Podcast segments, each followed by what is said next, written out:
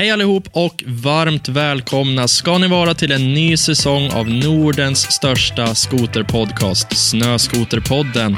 Mitt namn är Erik Holmgren och dagens episod är nummer 29 i ordningen. Om du är en ny lyssnare så vill jag säga att jag är enormt glad att du har hittat hit och jag hoppas verkligen att du blir en återkommande lyssnare. Om du redan är en återkommande lyssnare så vill jag verkligen rikta ett stort tack för att du hänger här med mig och gästerna från avsnitt till avsnitt. Och innan vi kör igång dagens avsnitt så har jag två roliga nyheter att berätta för er som lyssnar. Om ni lyssnade förra säsongen så vet ni att Polaris gick in som huvudsponsor för Snöskoterpodden och det samarbetet det har verkligen varit givande för båda parter.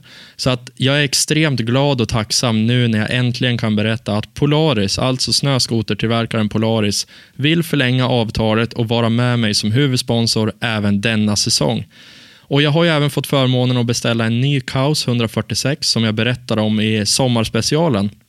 Eh, och Det här kommer ni få höra lite mer om i detalj längre in i säsongen.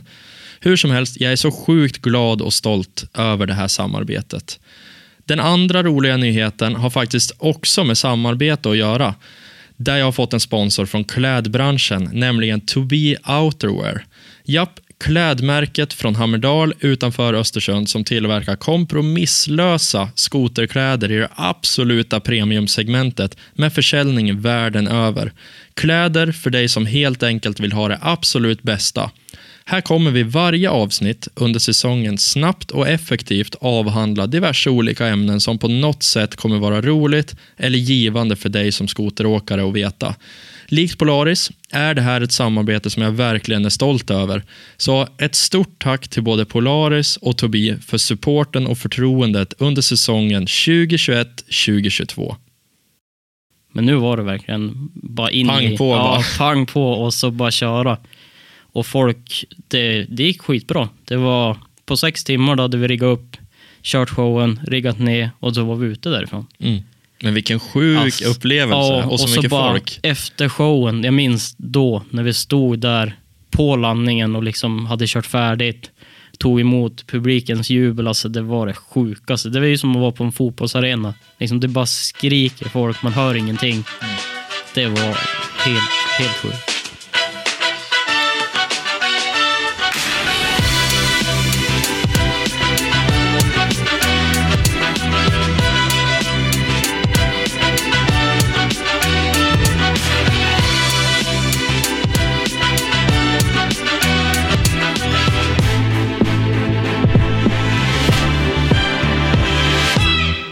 Dagens gäst är ett sjukt välkänt namn i skoterbranschen. Han har figurerat i skoterbranschen som en av våra mest framstående profiler i över tio år.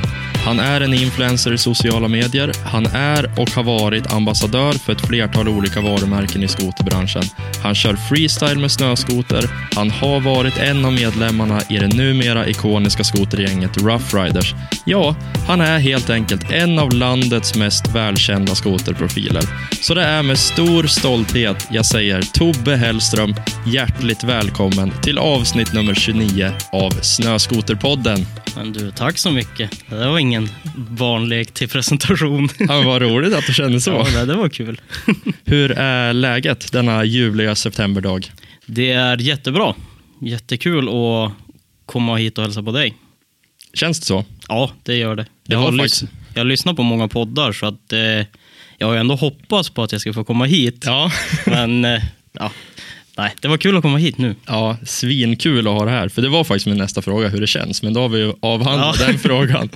ja, det, Från det. min sida så känns det svinroligt. Och du har faktiskt varit ett eh, namn som jag har velat bjuda in extremt länge.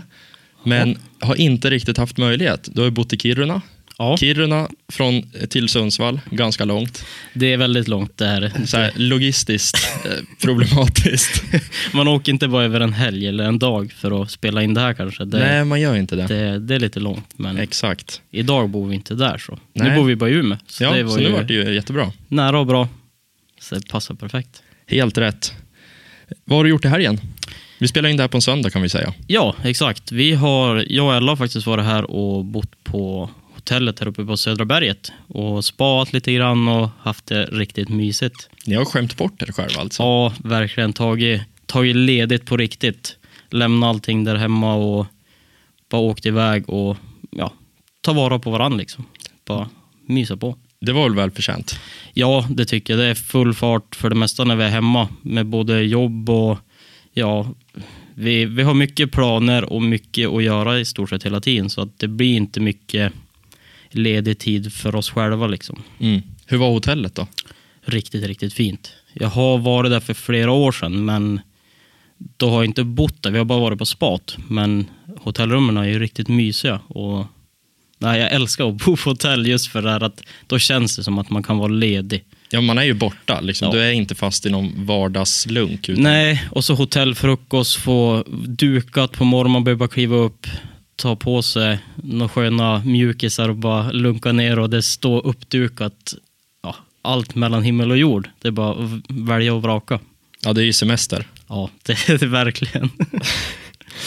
Ja, vad roligt. Eh, vi halvkänner ju varandra lite grann eh, innan. Vi har ju setts eh, uppe i Rovaniemi på skotermässan Ja. och sen så har vi även setts på Sled Tracks Photoshoot, Ja, tror jag. precis. Eh, och eh, vi har ju aldrig riktigt pratat ordentligt, eller vad man säger. Alltså vi har aldrig suttit ner så här, bara lugnt, stilla och pratat. Nej, det, det har vi inte gjort. Det är ju, du figurerar mycket inom skoterbranschen och likadant för mig. Och det, man ses ofta på Ja. de här äh, eventen som blir. Så att det blir ju, ja, man hejar lite grann, surrar lite grann, men har som, oftast har du mycket att göra och jag har mycket att göra just under de här eventen. Så att det blir ju det här äh, kallpratet hinner man ju aldrig med. Nej. Och det är ju faktiskt ganska tråkigt många gånger. Att Ja, man men det är det. Alla är på väg någonstans. Ja, och det har väl egentligen jämt, i och med att man har varit så länge inom branschen, så är det det som jag tyckt varit väldigt jobbigt. Typ när vi har varit iväg och kört shower, just där många kommer fram och vill surra. Och man, man vill gärna stanna upp vid varje person och bara ge dem den tiden de vill, om de vill prata med mig liksom. Men oftast har man fullt upp så att man hinner inte och då känner man sig som en dålig människa att man inte kan prata med dem. Men Mm. så är ju inte fallet och förhoppningsvis så förstår ju folk det men det känns ändå fel. Ja, det är ändå känslan som liksom Mm. ligger kvar i kroppen, att man inte har tid för varandra riktigt. Nej, och jag älskar verkligen att surra med folk och det, nej, då, det blir jobbigt så. Mm. Men man får väl hoppas att de förstår.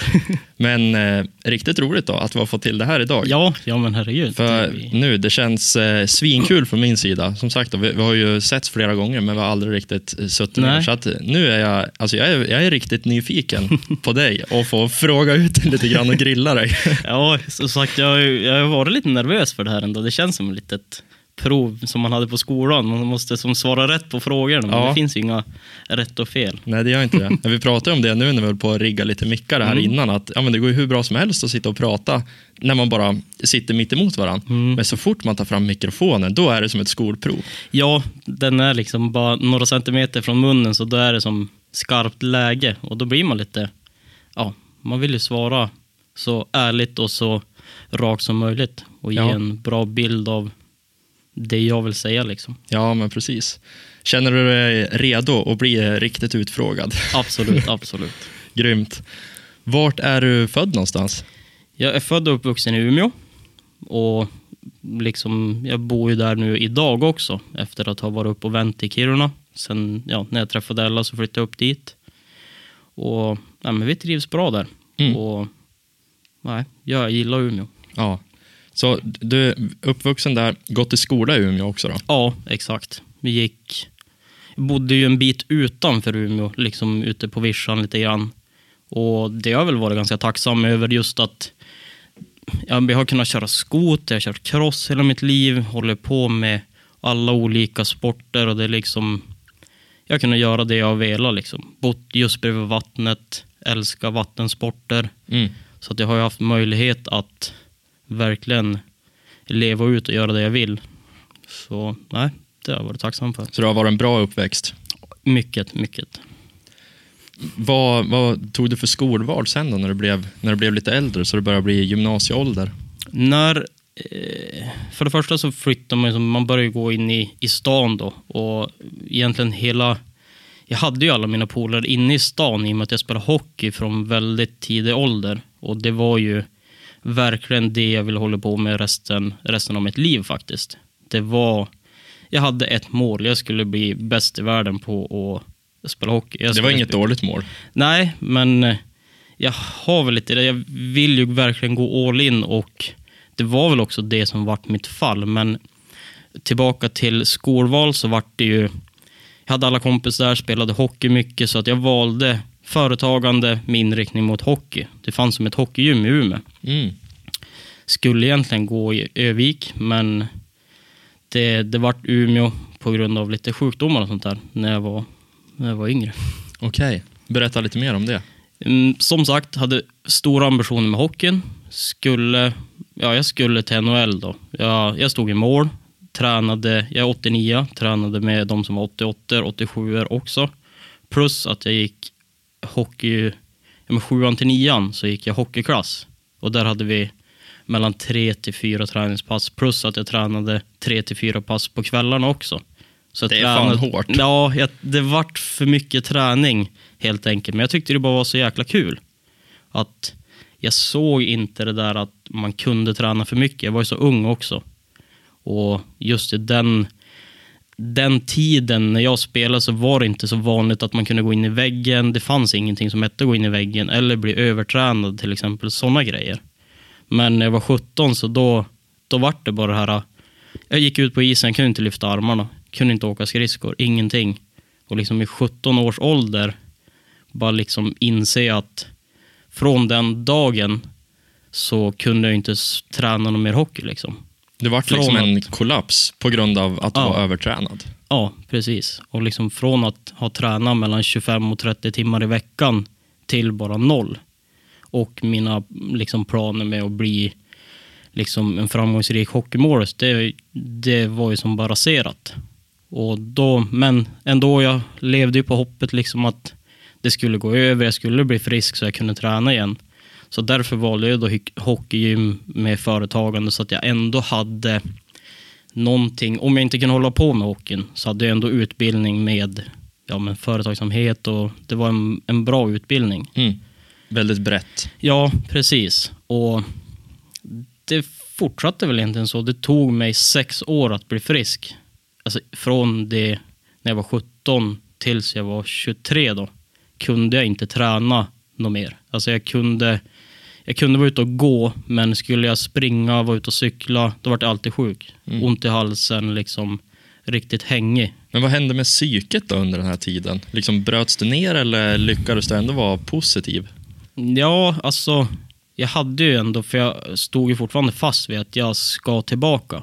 Och det fick ju mig att ändå försöka, jag tog hjälp från många olika ställen att kunna bli frisk. Så att egentligen allt fokus som man lägger, la tidigare på hockeyn och träna och bli bättre, la man ju på att bli frisk.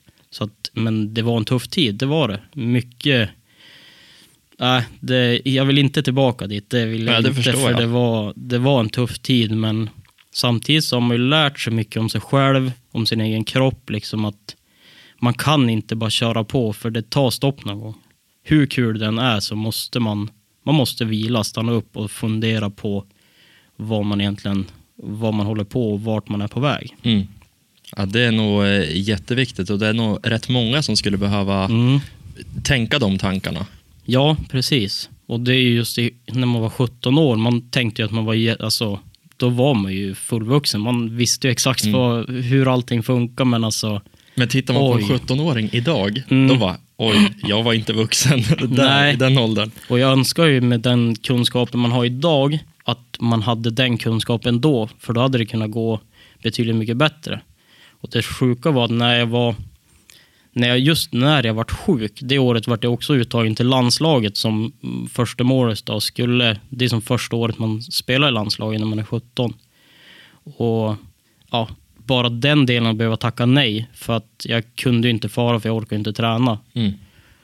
Det var ju också en boost för mig samtidigt som det var väldigt tråkigt. Det var ett kvitto på att man, man var ju faktiskt Du var duktig. man liksom. var duktig. Och det, det var ju dit jag ville komma. Jag ville ju bli bäst. Alltså jag tränade, gjorde vi 15 armhävningar. Skulle vi göra 15 så gjorde jag alltid 16. Skulle Mm. vi springa ja, en kilometer så sprang, sprang jag en och en halv. Liksom bara för att jag skulle träna hårdare än alla andra.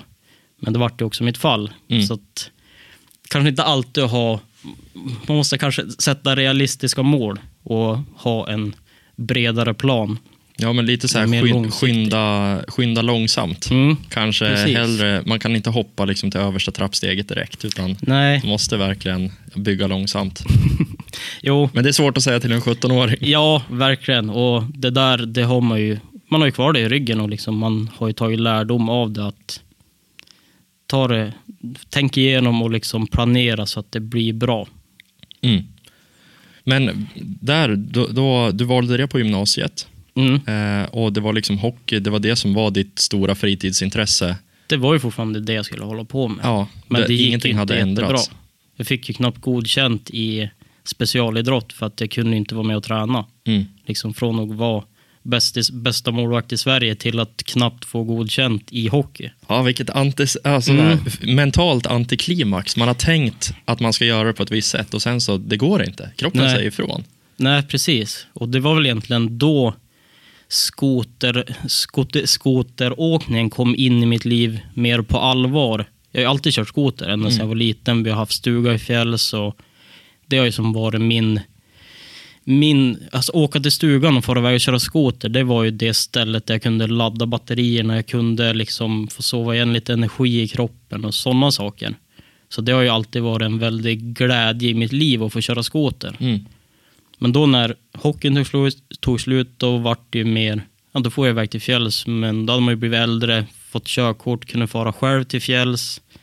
Och då var det egentligen därifrån jag, ja, jag la den fokusen som jag hade på hockeyn, la jag på skoter istället. Liksom att, ja, då ska jag bli bäst på det här. Mm.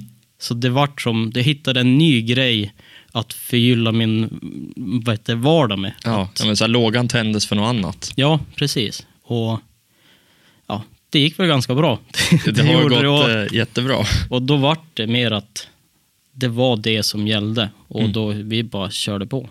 Men rent jobbmässigt då? Alltså Mm. när du gick ur skolan, började du jobba med någonting annat då eller vad, hur såg situationen ut? För att det var väl än så länge bara fritidssysselsättning eller så här, ja, hobby. Du var inte proffs. Nej, liksom. nej precis. Utan man, man gjorde det på hobbynivå. Man, man gjorde så gott man kunde. Man kollade skoterfilmer och körde på. Men just jobbfronten så vart det ju... Jag har ju mycket gillat att köra maskiner. Alltså allt med maskiner har jag alltid älskat. Så att jag började åt ett markföretag, åt min farbror faktiskt. Och började som markare. Just stod och kollade på de äldre som satt och körde grävor och stod... Jag höll i spaden och Spadsnok. och skotta och liksom hjälpte dem då och kollade och tänkte att där, jag, jag vill köra maskin i framtiden. Det, det är det jag vill jobba med. Liksom.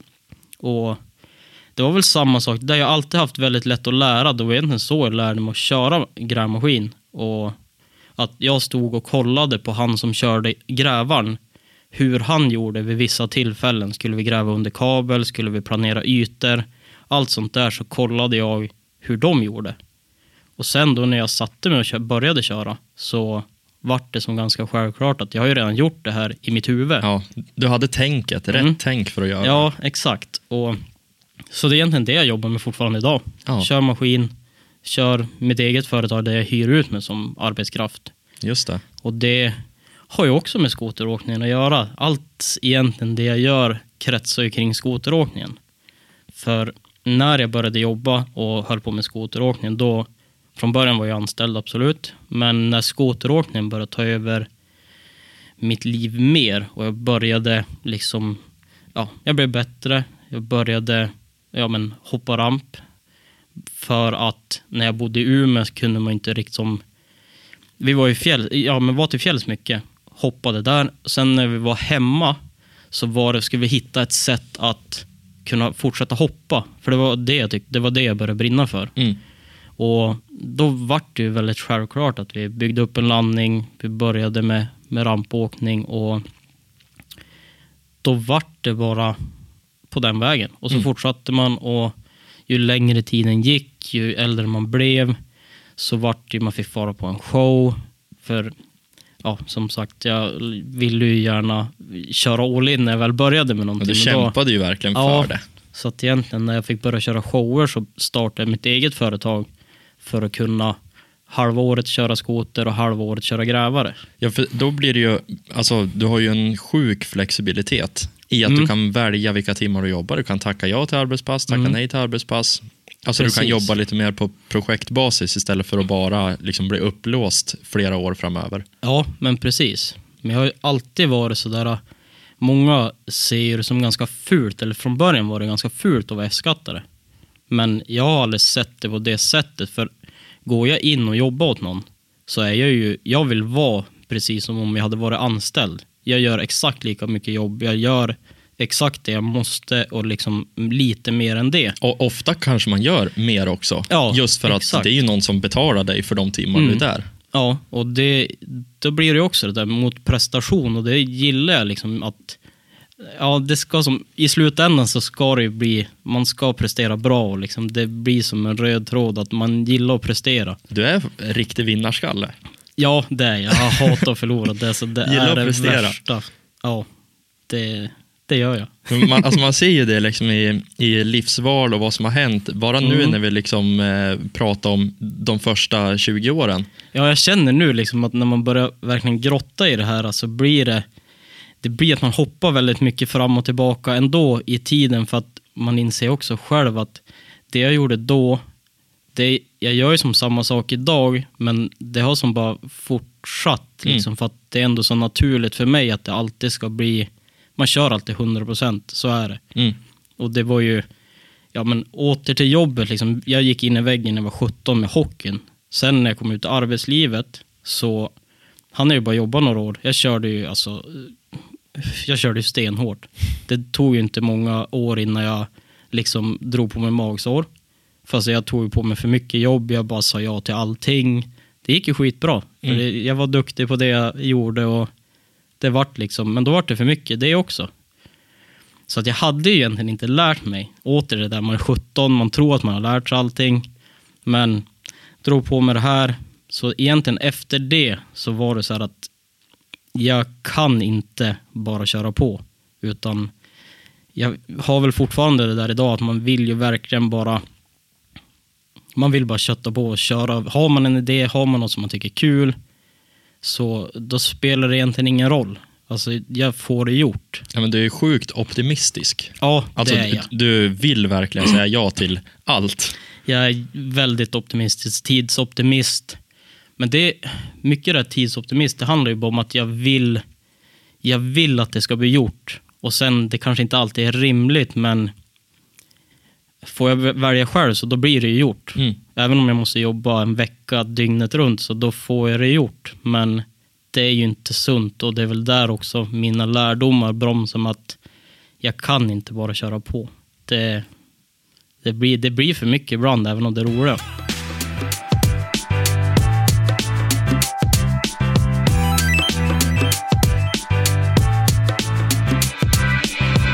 Du är ju mest känd för att vara en freestyle-profil, eh, alltså freestyle snöskoter. Ja. När började du med, med den sporten? Eller liksom hur, hur kom du i kontakt med det? Egentligen, det var ju som jag sa tidigare, att vi ville hoppa och det var det jag fastnade för när vi var ute i fjälls. Och varför det vart egentligen mer, mer och mer freestyle bara, för det vart i stort sett så. Det var ju det jag höll på med. Mycket var ju för att jag bodde i Umeå, det fanns inte, det var inte så mycket snö så att vi kunde, vi kunde köra varje helg och bara, vi hade vårt hopp, vi hade en landning. Men egentligen varför det vart bara det var ju för att man såg utvecklingen. Alltså liksom ett... Man har ett... Det är svårt att förklara just freestylen, för just synsättet som jag har på alla trick, hur man lär sig det.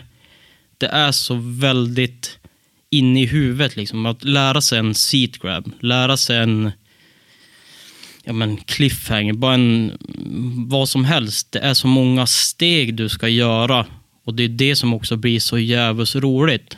Är det inte lite grann som när du stod och tittade, du var spadgubbe och stod Mm. och tittade på när någon gräver? Så här, okej, Exakt. nu ser jag att han vinklar skopan på det sättet, han gör så. Du tänker i huvudet att så Mm. här borde det kännas att göra det och sen när du har jobbat på det mentalt ett tag, Mm. då törs du testa det och helt plötsligt kanske bara sitter. Exakt, och det, tillbaka till det där, just det där som du säger, tänka i huvudet, märkte jag väldigt tydligt när jag hade kommit tillbaka från en skada. Vet jag, legat skadad hemma ett längre tag. Och när jag kommer tillbaka, så de tricken jag kunde och de jag inte riktigt kunde när jag vart skadad. När jag kom tillbaka efter en, två gånger, så då kunde jag de tricken mycket bättre och då hade jag lärt mig dem helt plötsligt. Fast Men du det- inte hade tränat. Nej, precis. Utan jag hade bara legat hemma och kollat filmer från när jag själv har kört, då, absolut, för att se hur jag gör i alla situationer. Och när jag då kom tillbaka så satt de bara helt plötsligt. Och man vart så här äh, riktigt förvånad själv. Bara hur, alltså hur är det här möjligt? Men just den här mentala biten, det är sjukt mycket, mycket mentalt i freestylen. Mm. Och det är väl det som också blir så roligt. Men hur liksom kom du i kontakt med det från, från första början? Var det bara att det, det spårade ur? Lite snö i Umeå och sen var okej, vi ska hoppa högre, större, längre. Ja, nästa steg var väl egentligen, som sagt, åter till det där med prestation, få betalt för det. Jag fick köra en show, började inse att man kunde ju faktiskt tjäna pengar på det här och på någonting som var riktigt, riktigt roligt. Och då vart det bara mer och mer och mer. Man fick inbjudningar till andra shower, folk såg att man brann för det man gjorde och fick följa med ja, men Ankan och alla de här äh, stora namnen inom, inom Rough Race. följa med dem till Svalbard, fick köra en show där. Då började man inse att fan, det här är ju riktigt fränt. Alltså, kan skoteråkningen ta mig hit? Att det... Nej, då vart det bara... Nej, det var bara att fortsätta och jag ville bara bli bättre hela tiden. Mm. Men sen var ni väl ett bra gäng också som kunde, som kunde hjälpas åt? Ja, vi var ju... Det var ju vi... Det var jag, Emil Arling och Simon Fröling som bodde här i Umeå som körde. Vi körde inte med Ankan och dem, för det var faktiskt också bara av en ren slump. De var ute och körde skoter i Umeå och vi hade vårt träningsställe precis bre- bredvid leden. Och då var det så här, ja men de kommer dit, bara, ja, håller ni på med det här liksom? Hoppa ramp och de höll ju också på men på ett annat ställe i Umeå då. Och men, ja, som sagt, det ena ledde till det andra och bara det här glädjen att lära sig ett nytt trick, alltså den var ju enorm från början. Mm. Det var, alltså det, det är obeskrivligt, även om det handlar om no, no-hander, liksom, eller släppa en hand. Mm. Det är bara, Ja, men det är ju extremt tydligt. Mm. Alltså kör man eh, typ skotercross, mm, ja visst, du känner ju att det börjar gå fortare och fortare runt banan. Du ser på varvtiderna att det går fortare och fortare. Men det är ju inte jättekonkret. Alltså det är ju mer ett, en serie av mycket flyt på en bana. Det resulterar i en bra varvtid. På Ja. freestyle då är det ju väldigt konkreta delmål. Okej, trick nummer ett, trick Mm. nummer två, trick nummer tre. och varje trick har liksom flera moment i sig. Exakt. Det är som sagt, det blir, Det är ju som stora mål och delmål. ja, det, ja men verkligen. Och där var det ju många delmål. För du ville ju ha liksom många trick när, innan du skulle börja fara iväg och köra shower. Och liksom, det var väl egentligen inte planen från, från början egentligen. Det var egentligen bara att hitta något annat som kunde fylla tomrummet som hockeyn liksom hade lämnat efter sig. Ja. Men då när man kunde få samma liksom, ja, men känsla i kroppen att, av att bara lära sig ett trick och liksom kunde få det om och om igen när du lärde dig något nytt. Den var ju obeskrivlig och liksom helt fantastiskt för, ja, som sagt, att fylla det där tomrummet. Mm. ja det blir då- verkligen en kick.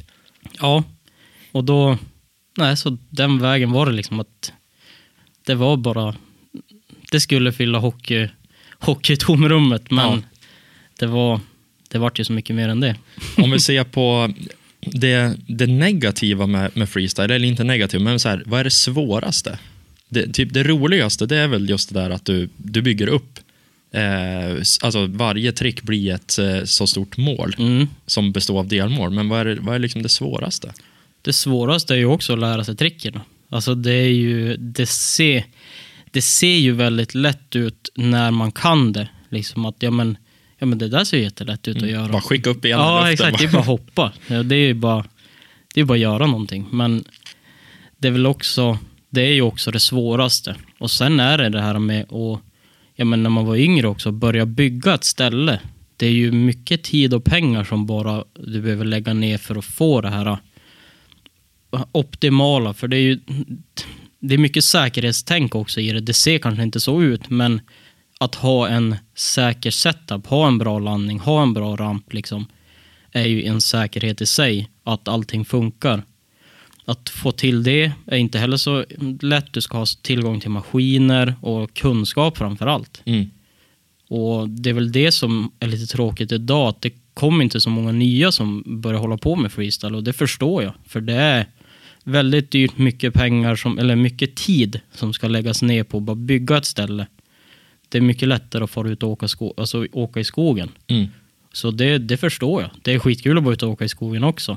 Men ha, kommer man in på freestylen och håller, liksom ha allt det där redan, då är det riktigt, riktigt kul. Mm. Och, Skulle du säga att det är, alltså det ser ju livsfarligt ut för ett Mm. otränat öga. ja, precis. Skulle du säga att det är livsfarligt?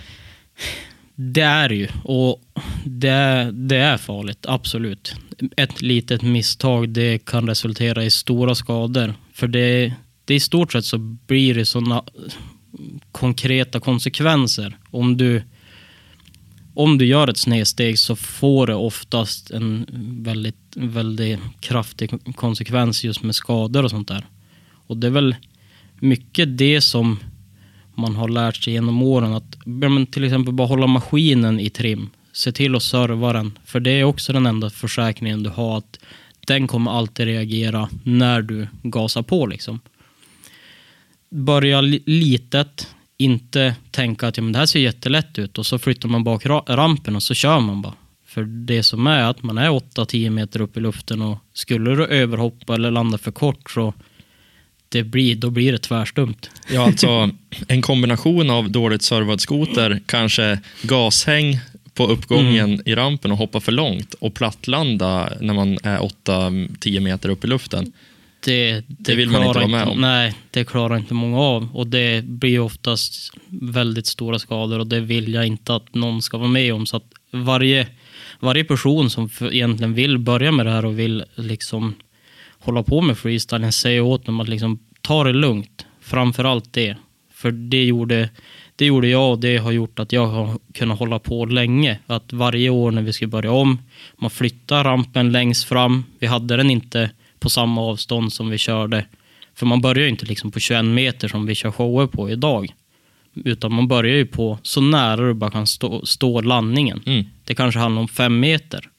Kanske ser fjantigt ut, men det handlar ju om din egen säkerhet. Ja, hellre, hellre köra 100 hopp kloss emot landningen Mm. Ja, än att liksom börja experimentera för tidigt. Jo, idag är det ju mycket, ska ju se fränt ut. Mm. Men jag tycker mer att man ska tänka med insidan och ta det säkra för det osäkra. Det är bättre att du har några dagar, några veckor där du liksom successivt flyttar rampen i din egen takt. Om du vill liksom fortsätta hålla på, hålla på och Mm. komma längre bak. Ja, Jag brukar tänka när man åker skoter, man behöver inte köra försiktigt för att det är ju klart, det är ju livsfarligt. Ja. Men kör med förstånd. Alltså Ja. tänk före. Alltså Mm. ta, ta verkligen din tid och kör, ja, kör med förstånd. Ja, och det, och det är ju just som du säger att freestylen ser ju livsfarlig ut. Liksom, många tycker att man är ju helt kor, alltså man är helt tappad som håller på med det. Men samtidigt så är det ju därför man tränar. Ju mer du tränar, ju, ju mindre farligt blir det ju. Som när jag var yngre, jag hade flera år i rad så hade jag 250 mil i rampen efter en säsong. Du vet 250 mil och bara det är köra många runt. vändor. Ja. Men det var ju det för att jag ville ju bli, jag ville bli duktig och jag ville bli bekväm med det jag höll på med. Mm. Så jag körde ju bara, körde, körde, körde runt, runt. Och jag förstår folk som har varit med och kollat. Det har inte varit så, kanske så kul att kolla hela tiden. Men man är ju tacksam för de som har gjort det. För att det är det enda sättet att ja, men bli bra, bli bekväm och kunna hålla det säkert. Det är att köra mycket. Mm. För det farliga blir när det kommer uppehåll. Så att eh, Ja, det är en extremt, Mm. extremt häftig sport. Ja, alltså det- mentalt och fysiskt är det, ja, det är fan hatten av. Ja, Det är det, det som är fränt är just också det här med vart skoteråkningen har tagit mig i och med att jag började med freestylen också. Liksom vad jag har fått upplevt, vart jag, vad jag har fått sett för platser. Ja, men dels som sagt Svalbard, man har fått resa till, ut i Europa, man har fått vara till Ryssland, USA och liksom Det hade jag aldrig kunnat tänka mig, typ längst ner i Frankrike, att jag skulle fara dit och köra skoter. Nej. Aldrig i livet att jag tänkte det när jag började med det. Nej, för, för där i Frankrike, det var, det var en show med, på MotoGP. Ja, Och det var Dels- 60 000 åskådare, har Ja. jag forskat fram till. Ja, jo, det var faktiskt helt, helt sjukt. Alltså, man har ju aldrig varit på det. Dels för det första MotoGP, jag hade aldrig varit på någon sån. Det är en sjuk sport det ja, också. det är riktigt sjukt. Fy fan, de kör så jävligt fort. Och så bara allt folk som är runt omkring. Det är ju en folkfest varenda tävling, så att det var ju bara fränt att komma dit med våra skotrar och se liksom vad, vad motorsporten betyder för dem där nere. Ja, men motorsport i, i Sverige eller Norden, Mm. det är ingenting. Nej, Alltså motorsporten i Frankrike eller Spanien, det är helt galet. Alltså det är som deras fotboll. Ja, och, Alltså- det, och den, eller, vi var ju på Le Mans och var där och skulle köra. Och det, liksom, det var en festival. Från det att vi kommer dit, hela kvällarna, folk hade med sig motorer från alltså, någon, ja, men, tusen kubiks motorcyklar, jag vet inte vad det var, men hade satt upp så det var som typ grammofoner längst bak på avgasrören och bara stod och revvade där i, Mm. i depån och på campingen på kvällarna och det bara brann överallt. Det var som att det var krig, men det var folk som satt och, med, och gasade med motorer bara och smällde och eldade avgasrör och det var, alltså det var så jävligt fränt. Men hur var det att showa där då? Väldigt speciellt, måste jag säga. För det första, för att det är ju ett väldigt tajt schema när det handlar för vi skulle köra på startrakan, liksom mitt emellan de två läktarna. Och det rymde 30 000 på varje sida. Och bara där, vi kan egentligen ta det från när vi for från, från Sverige. Det var, ja, det var ju bland de första showerna vi skulle köra ute i Europa. När sen Marcus Nordin här från Sundsvall hade byggt sin första mobila landning. Jag hade precis tagit lastbilskort bara några veckor innan. Hade aldrig kört lastbil innan. Och sen skulle vi sätta oss, lasta in allting, sätta oss och kuska från Sundsvall ner till Le Mans då, med lastbil. För det första när man kom till Stockholm, det var ju, redan där var ju li- livrädd fyra trafiken där. När alla slutade jobbet, man tyckte lastbilen var så jävligt stor. Viadukter, vad Viadu- shit kommer ja. kila fast. Ja, alltså det var riktigt läskigt. Sitta och åka, jag vet inte, jag har inte riktigt minne hur många dagar det tog, men jag tror det var mellan tre och fyra dagar för att ta sig ner dit. Mm. åka genom Paris, genom den rusningstrafiken. Och sen då väl nere på plats så var vi två dagar innan vi skulle köra showen bara för att, ja men, när det, det är ju så stort evenemang så att det är mycket folk man ska prata med, mycket tider och vi var tvungna att hålla liksom hålltider. För vi hade, vi hade totalt sex timmar på oss. Rigga lastbil, köra showen, rigga ner och sen skulle vi ut därifrån. Så sex timmar innan, eller två timmar innan vi skulle köra showen fick vi köra in lastbilen i depån. Där skulle vi börja rigga upp och sen körde vi allting ut på rakan. Lyfte ut med en höglyftare, lyfte rampen. Bara smack dit alltihop, fällde ner allting, bara rulla ut mattan. Ja, nu är det att köra. Ingen träning, ingenting, ingen inhoppning, någonting.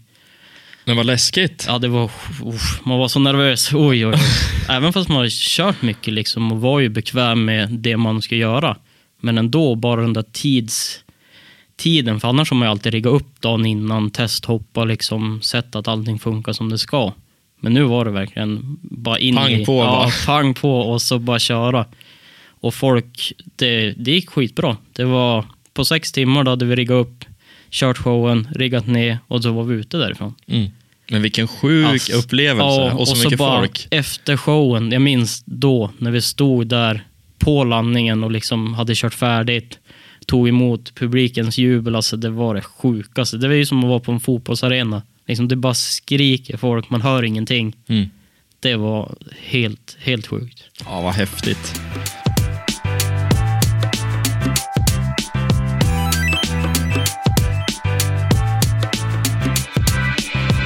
Men där när vi pratar om skoteråkning och Mm. vart det har tagit dig. Du var ju rätt många år av ditt liv eh, med Rough Riders Ja, och hängde med Precis. det gänget. Vad var, vad var bästa tiden där? Är, har du något speciellt minne som sticker ut? Alltså, egentligen det man saknar mest och det man minns mest, det är ju den här gemenskapen som vi hade. Liksom när alla kom från olika bakgrunder. Jag kommer från freestyle, vissa kommer från skotercross, vissa kommer från backcountryåkning med stora hopp och sånt där och vissa från skogsåkning. Och sen samlas man oftast under våren, ofta i gränsen var vi, och samlas allihop från, ja men som sagt från alla bakgrunder och sen bara skotta hopp, ha ett jäkla gött häng och så filmas alltihop. Det är väl Det är ju både semester och eh, liksom filmning. Och det var ju så roligt för att, ja men, att se de som kom från skoteråk, eller skotercrossen också kommer dit och det var ju alltid så roligt för vi som kommer från ramp, vi vill ju ha kickarna väldigt saltade, släta, liksom det ska vara riktigt fint och ja, vi körde ju färdigt våra hopp, vi gjorde våra trick, vi gjorde det vi kunde. Sen när typ hoppen var förstörda, då kom skotercrossfolk, ja men får vi köra nu? För de vill inte ha det helt slätt, de vill utan bara de vill ha det lite på. stökigt. Och det var väl det som var så kul, att vi hade så jävla roligt bara. Och alla liksom var förstående och hjälpte till. Alla skottade och det var, ja, det var sån djävulsk gemenskap. Och så vart det film av alltihop. Liksom Petter Grimborg med kameran, han sprang runt där och han var, äh, alltså han, han skapade magi av de här, de här tillfällena fångade allting riktigt bra. Men för var- alla som har varit med på den här tiden, alltså de är ju typ religiös kring det här. Just Ja. för att det är en sån magisk upplevelse när du är där och spelar in det. Mm. Och sen så typ ett halvår eller ett år senare, när filmen är ihopklippt, då får du se tillbaks på alla de här härliga minnena. Det Ja. blir ju en speciell känsla i kroppen kan jag tänka mig. Ja, för det blev ju som under, under vintern så spelades det ju in och sen våren och sen kom ju sommaren och då var det ju mycket, då, då satt de och klippte ihop filmerna och sen till, till hösten så var det ju en, en release-tour där vi for runt i, i Sverige och visade filmen. Och mycket, då var det ju under säsongen som hade varit så ville man ju alltid, man ville ju köra stort, man ville ju man ville få en bra del i filmen, för det var ju, som, det, var ju det man strävade efter. Att när det skulle visas till hösten, då, då ville man visa upp vad man kunde. Liksom. Mm, Kanske även för sponsorer och sånt där. Det var jätteviktigt just för sponsorernas skull. Att, för det fanns ju inte lite, sociala medier var ju inte lika stort, alltså som Instagram och sånt där som det finns idag. Då var det ju verkligen bara den filmen som man skickade runt sen om man ville söka sponsorer och sånt där. Då Ja. var det ju den delen man visade upp vad man, vad man kunde liksom. Idag är det ju varje dag, varje vecka, liksom lägga ut klipp och filmer och bilder på sånt som det du gör egentligen. Mm. Vilket jag tycker det var roligare förr. Just för att då var det verkligen det här med, det var något speciellt på hösten. Det började nalkas vinter Mm. och det liksom alla började peppa igång inför vint, kommande vinter. Då fick vi visa upp vad vi hade gjort året innan. Och bara den delen var ju helt magisk. Och det Ja. var många än idag kollar ju på de där filmerna och ser tillbaka och tycker att det var, när de tycker verkligen att det, ni såg ut att ha så jäkla roligt. Mm. Och det var det verkligen. Det, Men det är ju lite ikoniskt Ja. nu. Och det är ju senaste filmen, den släpptes, alltså tian, mm, den släpptes 2015. ja, Hösten 2015. Visst. Så ser man det, okej det är sex år sedan. ja. Det är ändå lång tid. Det är väldigt lång tid och det känns, och man saknar det ju faktiskt hela tiden. Alltså varenda dag. Jag tänker ju tillbaka på det hela tiden för det var verkligen en sån otroligt bra tid i livet att få hänga med alla de här som var med i filmen. Och det var, nej, man saknade mycket. Och, men det gjorde ju också att man utvecklades mycket just det här med att mm, när man samlas från så många olika och liksom alla var bara så jäkla peppade för varann. Liksom, lärde du en ny grej, lärde du att whippa liksom. Alla bara wow, stod Mm. där och var... Ingen avundsjuka Nej, eller... ingen avundsjuka alls. Utan alla strävade efter ett mål, att få en bra film. Mm. Och sin, göra sin egen del så stor som det bara gick. Alltså köra så stort som möjligt. Ja, sjukt, sjukt Just bara den där häftigt. gemenskapen, att det finns ingen avundsjuka, utan man är Nej. glad för andras prestationer. Ja, men och det, det är ju det som man, man, man mår bra av Ja. också. Alltså få en klapp på axeln och bara shit, snyggt. Alltså Mm. alla, alla jämför sig själv med hur man var förra året. Ja. Inte att man jämför sig med polaren som är Nej. mycket bättre. Alltså Nej, man tävlar precis. med sig själv. Ja, exakt. Och det, nej, det, gillar jag. Mm. Det, man ska, man ska inte vara rädd för att ge någon annan liksom bra kritik. Att fan, det där var snyggt gjort. För det, det gör så mycket mer än vad man tror. Ja, man förlorar ingenting själv på Nej. att vara glad för andra. Nej, exakt. Inte bara stå på sidan och bara fan, det Nej. där skulle jag också ha gjort och så säger man ingenting. Nej, men exakt. Det Nej, där det vill jag också kunna. destruktivt. Ja, jo, exakt. Nej. Men har du något speciellt Rough Riders-minne som, som verkligen sticker ut? Ja, egentligen så är det väl första gången som jag egentligen fick följa med. Ja, men det här när vi får till Svalbard och skulle köra en show. Dels Svalbard i sig är ju sjukt fantastiskt, men eller egentligen så var det väl första gången Ankan frågade mig om jag ville följa med dem till, till eh, Jorm. Jag bara så här, men jaha, ska jag följa med dig till Mm. fjälls? Mm. Han var ju liksom, han är tio år äldre än vad jag är och han var ju min stora idol från det att jag började köra skoter. Har jag kollat på han, allting liksom från, kollade på allt. Ville liksom hålla på med det de gjorde. Och det är väl egentligen det största minnet. Och det vart ju inte heller en så bra resa för mig, för jag ville ju lite mer än vad jag kanske kunde då och slutade med att jag bröt benet, men det vart ändå en liten inkörningsport till att fortsätta vara med i RR. Ja, Liksom, verkligen. Man ser ju det där i Riders 7, då sitter jag där och åker i min rullstol, men Livrädd, jättenervös och så Ja. skitpeppad. ja, och det, men det är väl också så. Man, man gav ju järnet och jag ville ju liksom, jag ville ju vara med i filmen, särskilt när det vart sådär att de ville ha med mig.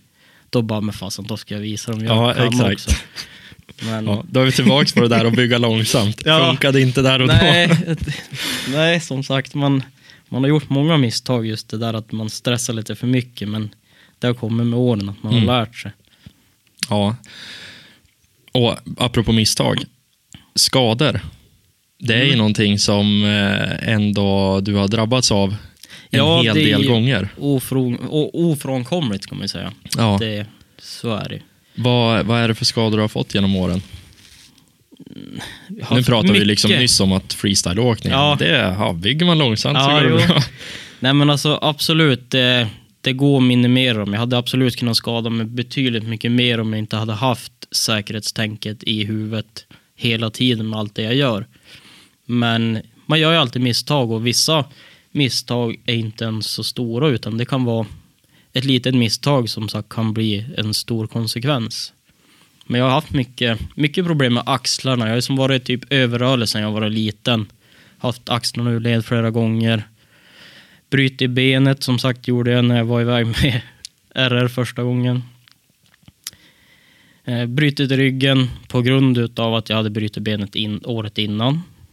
Och det var ju också en sån där, det är en, en liten fisgrej bara. Alltså det var det fjantigaste någonsin egentligen om man blickar tillbaka det. För jag hade ju, året innan då så bröt jag benet, låg med helbensgips i eh, fyra månader, gick med gips från knät i en månad och sen skena i en månad. Så sex månader var jag borta från jobbet. Eller från skoteråkning och alltihop liksom, låg ju bara still. Men fick ju mycket komplikationer med knät efter det. Och året efter så skulle jag fara iväg och köra en show. Och det var en snölandning, hade blivit ett litet bombhål i landningen. Landade ju det där, satte mig på dynan. Så då bröt jag i ryggen på en Mm. kompressionsfraktur. Och det var ju också, det var ju jätte, det var ju inget märkvärdigt, men just det här lilla att jag inte kunde ta emot mig med knät gjorde ju att då, ja, då pallade inte ryggen liksom. Ja, hemskt. Ja, och det är ju det är sådana grejer som det får man ju dras med även idag. Men skadorna är ju ofrånkomliga. Och just nu i, i, ja idag när jag sitter här har jag varit skadad i, i tre år. Det är ju en liten handled som har strulat för mig kan man ju säga ganska rejält. Mm. Jag tyckte ju när jag skadade mig att ja, men en handled, det går ju fort. Men jag, jag har haft mycket problem med den här handleden och Ja, men det är väl massa operationer? Eh, ja, jag har gjort sammanlagt fem stycken på dem. Eller på den handleden. Och ska göra en, en sjätte nu i oktober, november någon gång. Och egentligen kan vi väl återgå till vad som egentligen hände var ju återigen freestylen och körde, jag körde mycket shower på sommaren och inomhus och, och det är ju allting det där, det är små marginaler och då var jag inomhus och körde i Tyskland faktiskt. Och hade väl fått lite grus, alltså skit i boggen, för de hade en crossbana runt själva landningen. Och eh, då i, i rampen upp så känner jag ju liksom att det här känns inte, för som, som vi sa, att man har ju allting i huvudet, känner så mycket när du håller på med det. Så i rampen så känner jag liksom att det händer inte så mycket. Så jag kommer ju kort på en byggställningslandning, viker ju skotern på mitten, styr ju handen i stort sett genom styret kan man säga. För jag hade ju tryckt in handen i handleden. Och pulveriserade ju alltihop. Och Vad mysigt det låter. Alltså man nej, det var det verkligen inte. fan, Och, vrider sig i magen här när jag sitter och hör det här. ja, nej, man, det var inte alls någon trevlig upplevelse. Och hamnade ju på sjukhuset. Ja, slocknade ju där, där och då liksom. Vaknar upp sen på ett sjukhus i Tyskland och har redan blivit opererad. Ingen som surrar engelska, fattar ingenting. Jag trodde ju bara att jag hade brutit armen eh, ganska länge innan jag fick prata med någon som kunde lite engelska. Ja, vi visar dem röntgenbilder och det visar ju sig att de har inte riktigt fått ihop det som det skulle. Det var mycket benbitar som inte låg på plats och det hade ju, ja, de ville operera det igen. Fick vi fram via, via Google Translate då, för att det var ju ingen som surrade engelska. Ja. Gjorde de en till operation, vart ju inte bra det heller. Trots att man har ju hört mycket om tysk sjukvård, att den ska vara bra. Men fick ju inte till den, så då sa jag bara jag vill flyga hem. Jag, jag vill inte vara kvar här. Jag måste hem till Sverige. Och då kom ju farsan ner flygandes, för jag hade ju massa grejer. Jag hade ju ramp, jag hade ju bil, skoter, alltihop hade jag ju tagit med mig hemifrån. Liksom. Mm. Fick farsan flyga ner och komma och hämta det där. För eh, jag kunde inte köra bil. Jag hade ju, var ju väldigt, hade ju väldigt ont i kroppen kan man säga. Så nej, jag, jag fick flyga hem, farsan fick köra från, liksom från Tyskland upp till, till Kiruna med alla grejer. Och, eller upp till Umeå i alla fall så fick Ella komma och hämta grejerna därifrån. Hon hade inte, haft möjlighet, eller hade inte möjlighet att komma och hämta dem nere i Tyskland. Men i alla fall, så när jag kommer hem till Kiruna, åker till läkaren på en gång och egentligen där säger de att alltså det här ser inte bra ut. Det måste opereras igen. Liksom en 3D-operation Ja, inom en då då. veckas tid. Också kanske när det har börjat satt ihop sig lite Mm. grann. Det har börjat läkt Ja. lite. Precis, det var ju det som var just problemet, att det hade gått lite för lång tid. För i och med att de inte hade samlat ihop allting i handleden så hade det börjat dö benbitar i, i handleden då.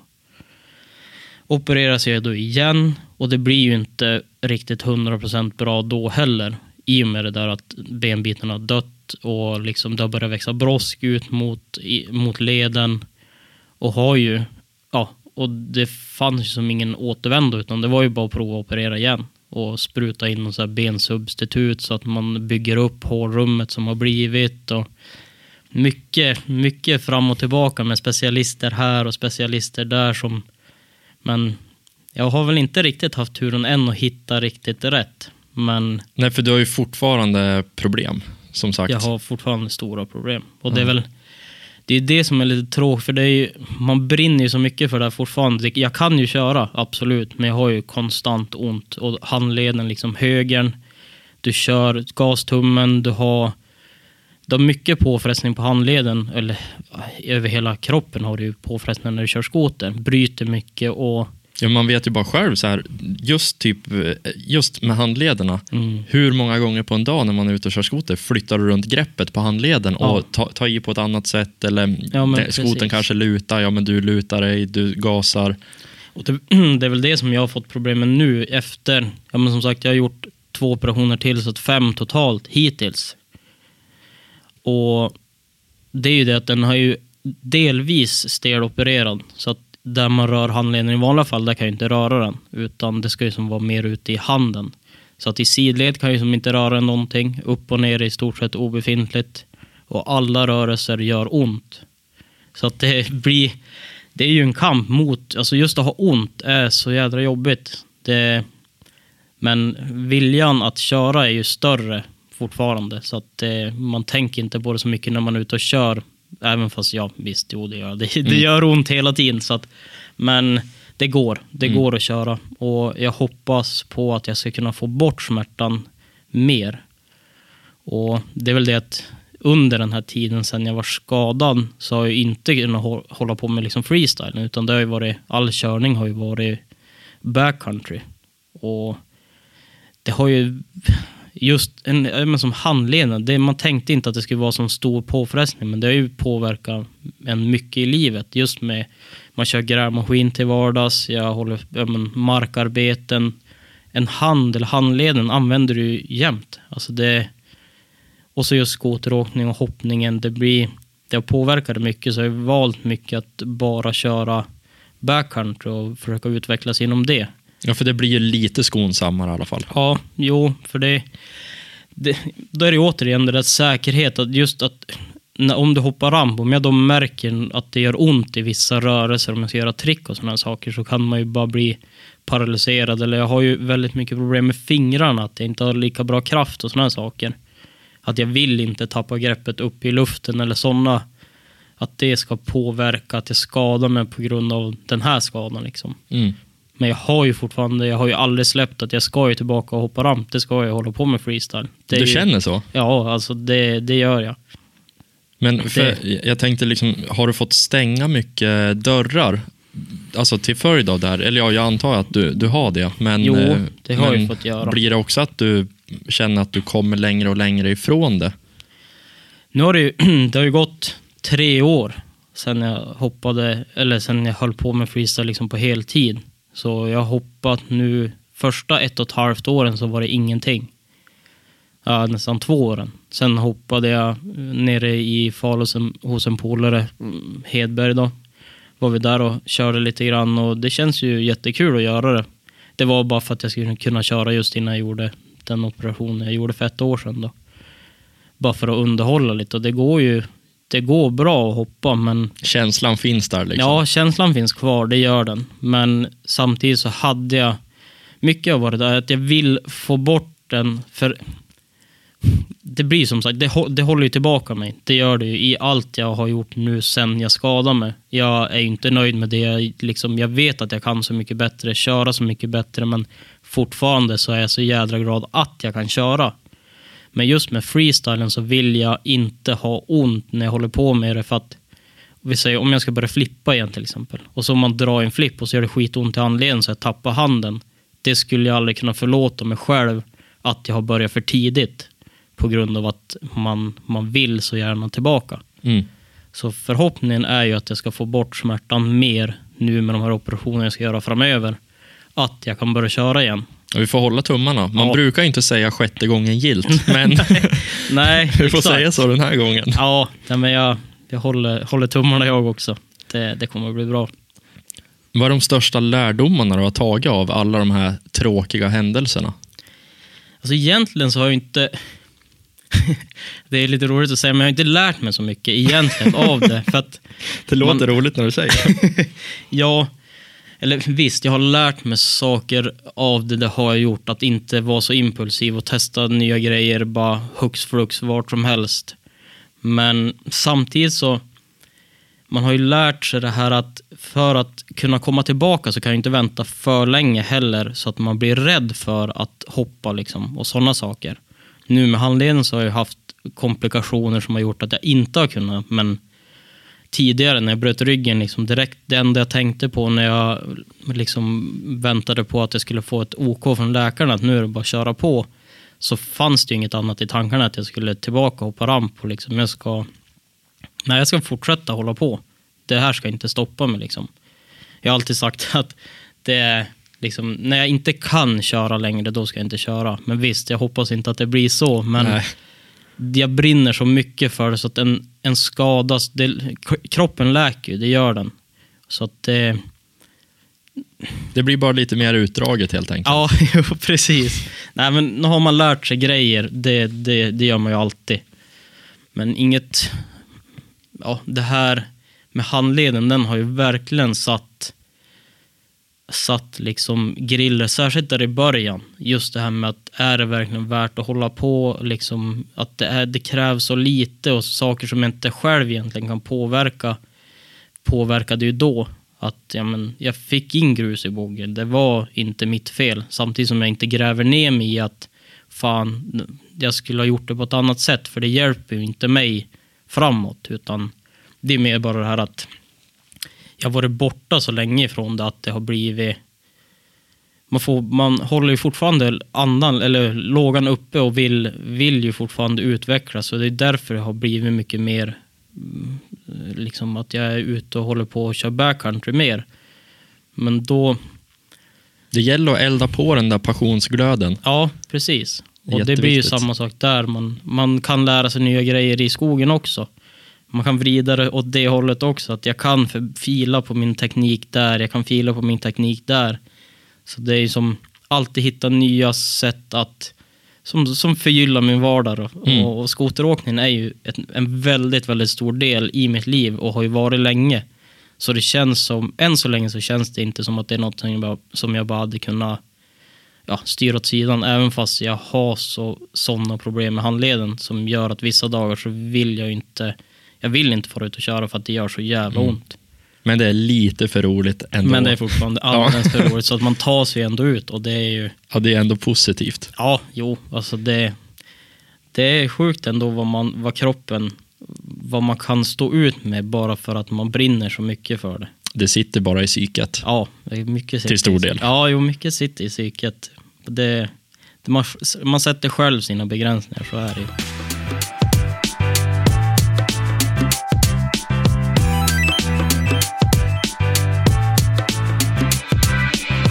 Ja, men när vi pratar om att liksom behålla glöden och känna en, en stark framtidstro. Vad, vad, vad har du för mål och drömmar? Vad känner du att det här vill jag uppnå framåt? Först och främst är det ju att komma tillbaka och liksom... Först är det egentligen bara försöka få bort smärtan ur handleden så att inte det kan begränsa min, min kapacitet eller min glöd att utvecklas. För jag har ju fortfarande målet att komma tillbaka till freestyle, kunna köra shower. Jag vill inte... Det är väl lite det som gnager mig i huvudet också, att jag vill inte avsluta skoterkarriären som jag gjorde med hockeyn. Att jag varit sjuk eller skadad eller vad man vill kalla det. Och sen tar det bara slut. Utan jag vill ändå... Jag har haft många bra år inom freestylen så att jag hade, jag har gjort det mesta. Men samtidigt så jag vill komma tillbaka, jag vill kunna köra, jag vill kunna träna och köra lite shower. Nu har vi haft en pandemi som har satt, satt stopp för mycket sånt också, men nu börjar vi gå ur den så att nej, jag ser ljus på framtiden just att kunna fortsätta hålla på. Sen hade jag även mycket det här bara att hjälpa andra och börja och hålla på med freestyle eller vad som helst. Men jag, Ella, eller Ella är mycket driven i det här med som vi har startat Ride Together. Det är ju som hennes del. Och Jag tror inte vi har nämnt Ella någonting i avsnittet, men jag kan ju säga det att du är ju faktiskt tillsammans med Ella Snäll, som också Ja. har varit med i podden. Ja, Eh. Världens första kvinna att göra bakåtvolt med snöskoter. ja, och det är ju helt... En liten bragd sådär. Ja, det är Ja. till en liten del. sådär. Ja. Nej, det var sjukt stort. Alltså, fy fasen. Hon är... Inte bara att hon är en otroligt härlig människa, men hon är också extremt driven och liksom få saker gjort. Ni Det hjälper nog varandra rätt bra ja, där. Och just den där flippen, alltså, det tåras nästan i ögonen när man pratar om det. För att jag, hade en, jag var ju inställd på det värsta, absolut. Det kan alltid gå åt helvete, men samtidigt så var man ju så peppande att jag kan ju inte sätta stopp att hon ska liksom prova att göra en flipp. Och hon ville göra det på ett visst sätt. Vi kanske inte tyckte att hon skulle göra det exakt så, men hon var inställd på att så här vill jag göra det. Och då är det återigen det där att det är mycket mentalt. Får hon det exakt som hon vill ha det, då, gör, då, då är det så vi ska göra. Och sen gick det ju extremt bra. Och, Ja, det gjorde ju det. Sjukt Det- roligt. och det bara helt fantastiskt. Och liksom att man kan, kan dela den här passionen för skoteråkningen är ju extremt roligt. Alltså det, det är det. Och företagarbiten, Ja, eh, som du nämnde, ni har Jo. startat Ride Together tillsammans. Ja, precis. Det är väl som Ellas idé från början, just med det här med läger och sånt där. För hon är ju mycket det här med att hjälpa andra ut, att man ska hjälpas åt. Just det, Ride Together, att det står ju som för att ja, man ska åka tillsammans och just det här, då blir det tillbaka till Rough Rise-tiden, det här att man ska hjälpas åt, man ska inte ha inga hard feelings. Kan du, är du lite bättre på att köra, ja men då kanske man kan hjälpa den som vill nå dit du är. Och liksom till slut så blir det ju att man kan hjälpa varandra så att båda växer. Och bara den biten, ja, det tycker jag är helt fantastiskt. Och det, och det supportar jag henne jättemycket med. Och vi har ju startat ett, en webbshop där vi säljer lite merch och sånt där.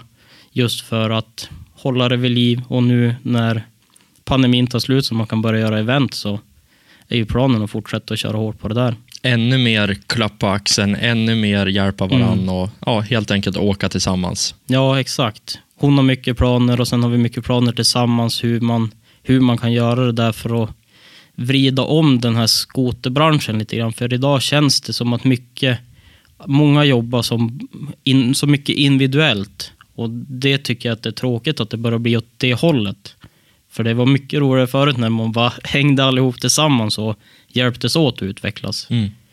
Och det är väl lite det, det vi också vill göra med det där. Det är det som är Ellas grundtanke med att man ska kunna köra tillsammans och hjälpas åt att utvecklas. Sjukt bra initiativ. Mm. Vad heter hemsidan om man som poddlyssnare vill gå in och köpa lite prylar eller bara spana in konceptet? Och det är ridetogether.se. Där Enkelt hitta, bra. Ja.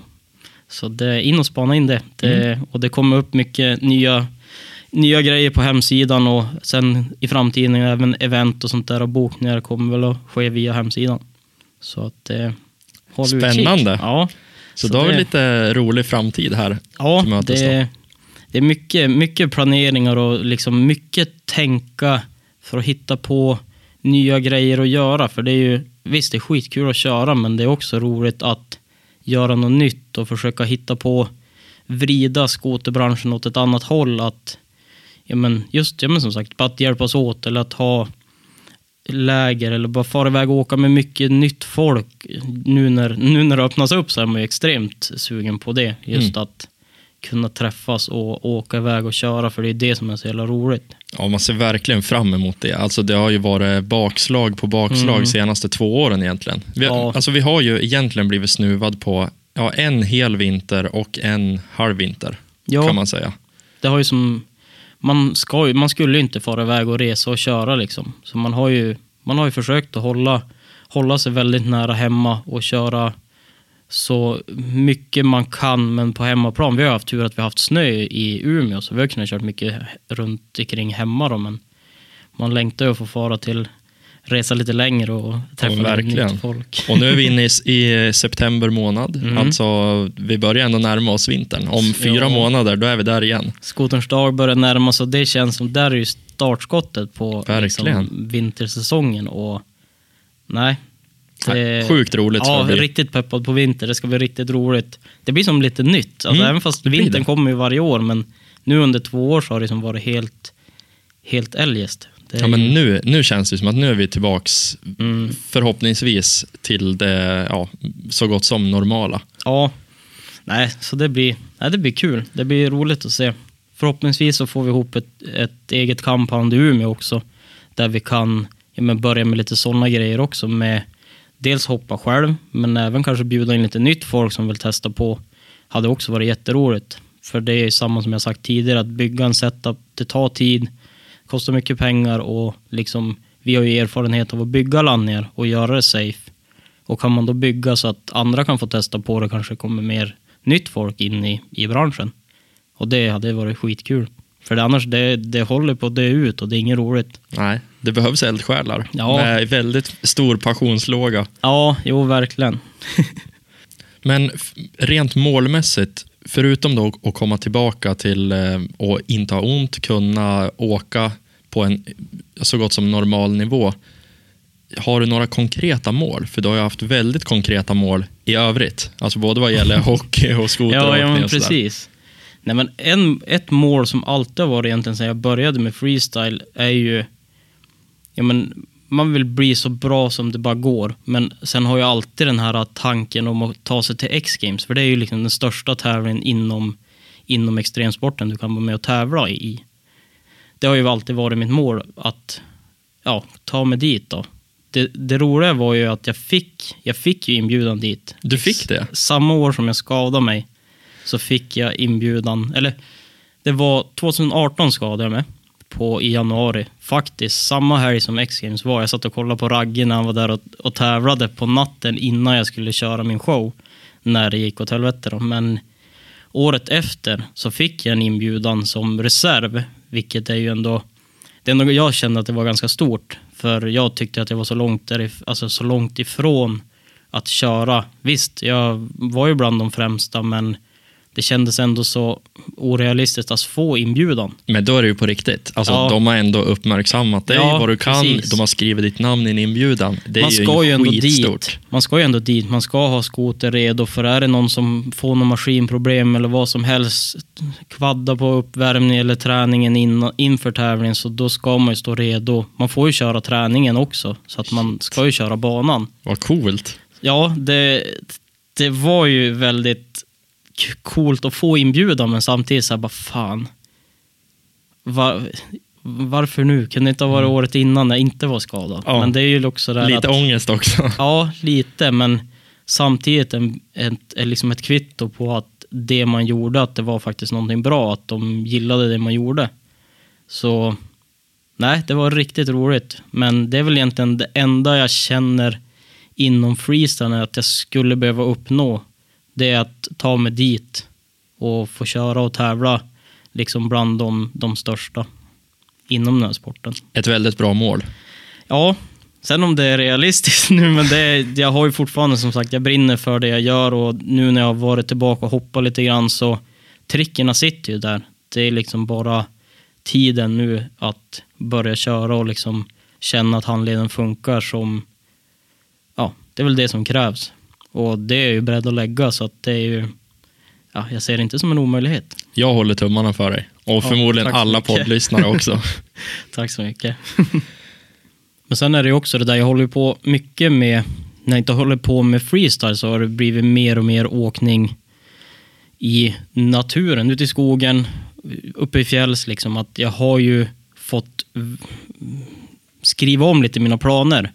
De finns ju fortfarande kvar inom freestylen, men liksom ta med, utvecklas inom skogsåkningen, kunna ja, men, göra lite av det jag gör, har gjort i rampen vill jag kunna ta ut i skogen. Alltså hitta lite nya vinklar på just skoteråkningen. Ja, men för det är ju helt olika saker. Ja. Det kan man väl ändå enas om. Det är det ju verkligen. För jag har ju alltid haft en RS och har ju fortfarande kvar RSen. Liksom, Alltså en kort crossmaskin, En bred kort. framvagn. Ja.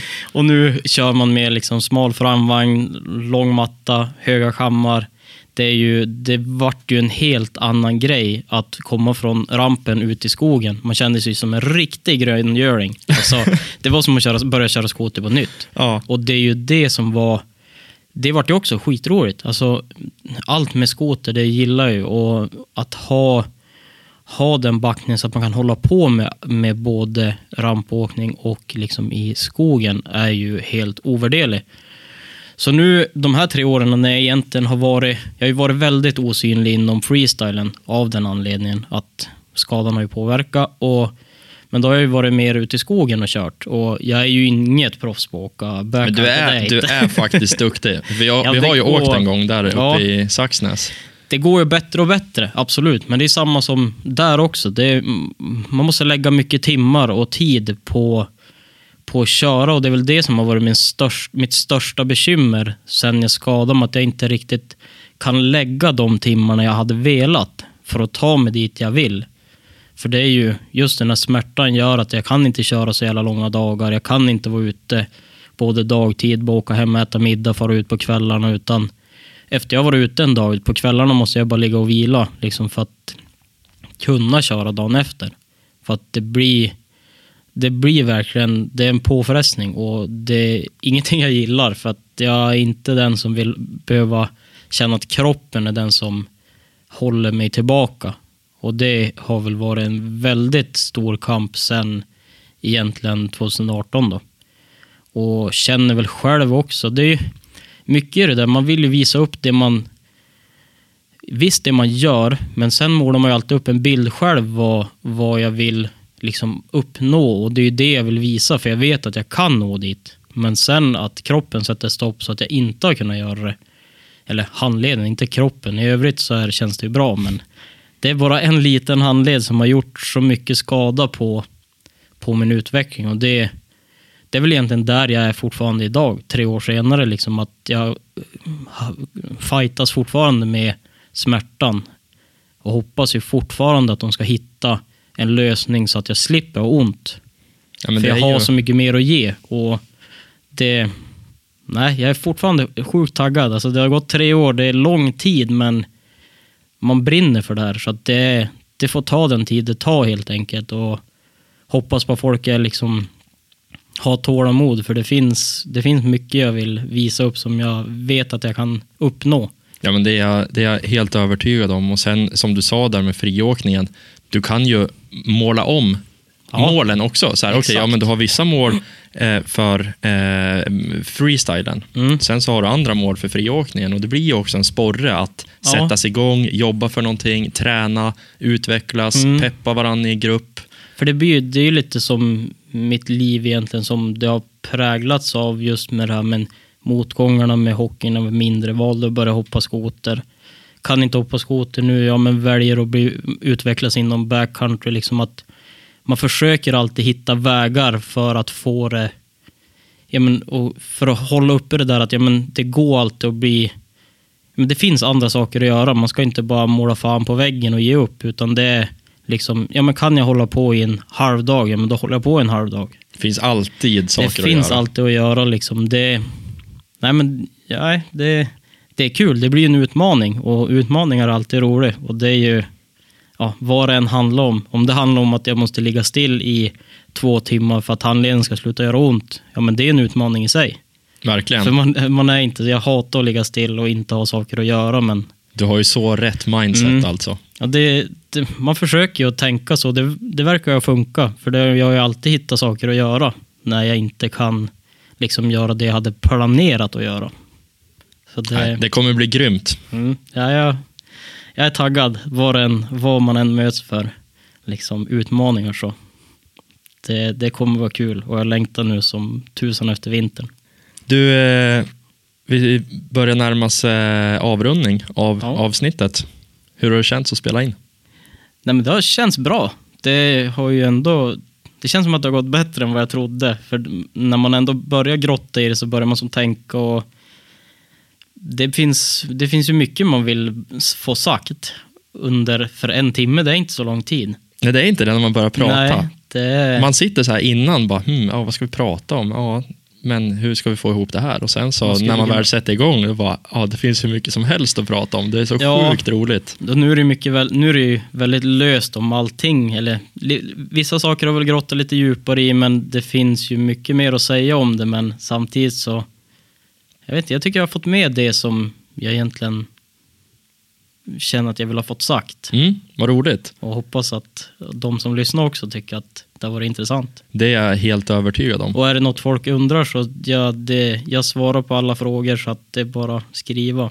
Jag gillar när folk frågar och liksom kommer fram och pratar. Det, det, det är kul. Och nu för tiden när det, då har man lite mer tid att svara. Vi ser om man är i fjälls och sånt där. Då kan man stå och surra ett tag. Och, ja, det är riktigt kul. Ja, sjukt roligt. Om man vill komma i kontakt med dig då, om man vill skicka något meddelande eller ställa någon fråga, vart Mm. ska man höra av sig? Enklast är väl egentligen Instagram. Tobbe Hellström FSX. Freestyle Snowcross. Jajamän. Skulle du vilja säga någonting som jag inte har frågat om? egentligen bara ha kul. Kör hårt men tänk efter lite grann också. Sjukt bra slutord. Tobias Hellström, stort tack för att du gästade Snöskoterpodden. Ja, men du, tack själv för att jag fick vara här. That's it. Tobbe Hellström alltså. Vilken sjukt trevlig människa att prata med. Riktigt roligt. Om du gillar den här podden så skulle jag vilja tipsa om att följa oss på Instagram. Där heter vi Snoskoterpodden. Där kommer jag lägga ut när det släpps nya avsnitt. Vi kommer även köra giveaways på både produkter och upplevelser. Så gå in där och följ kontot för att ta del av allt roligt som händer. Tack för att du har lyssnat. Vi hörs igen i nästa avsnitt.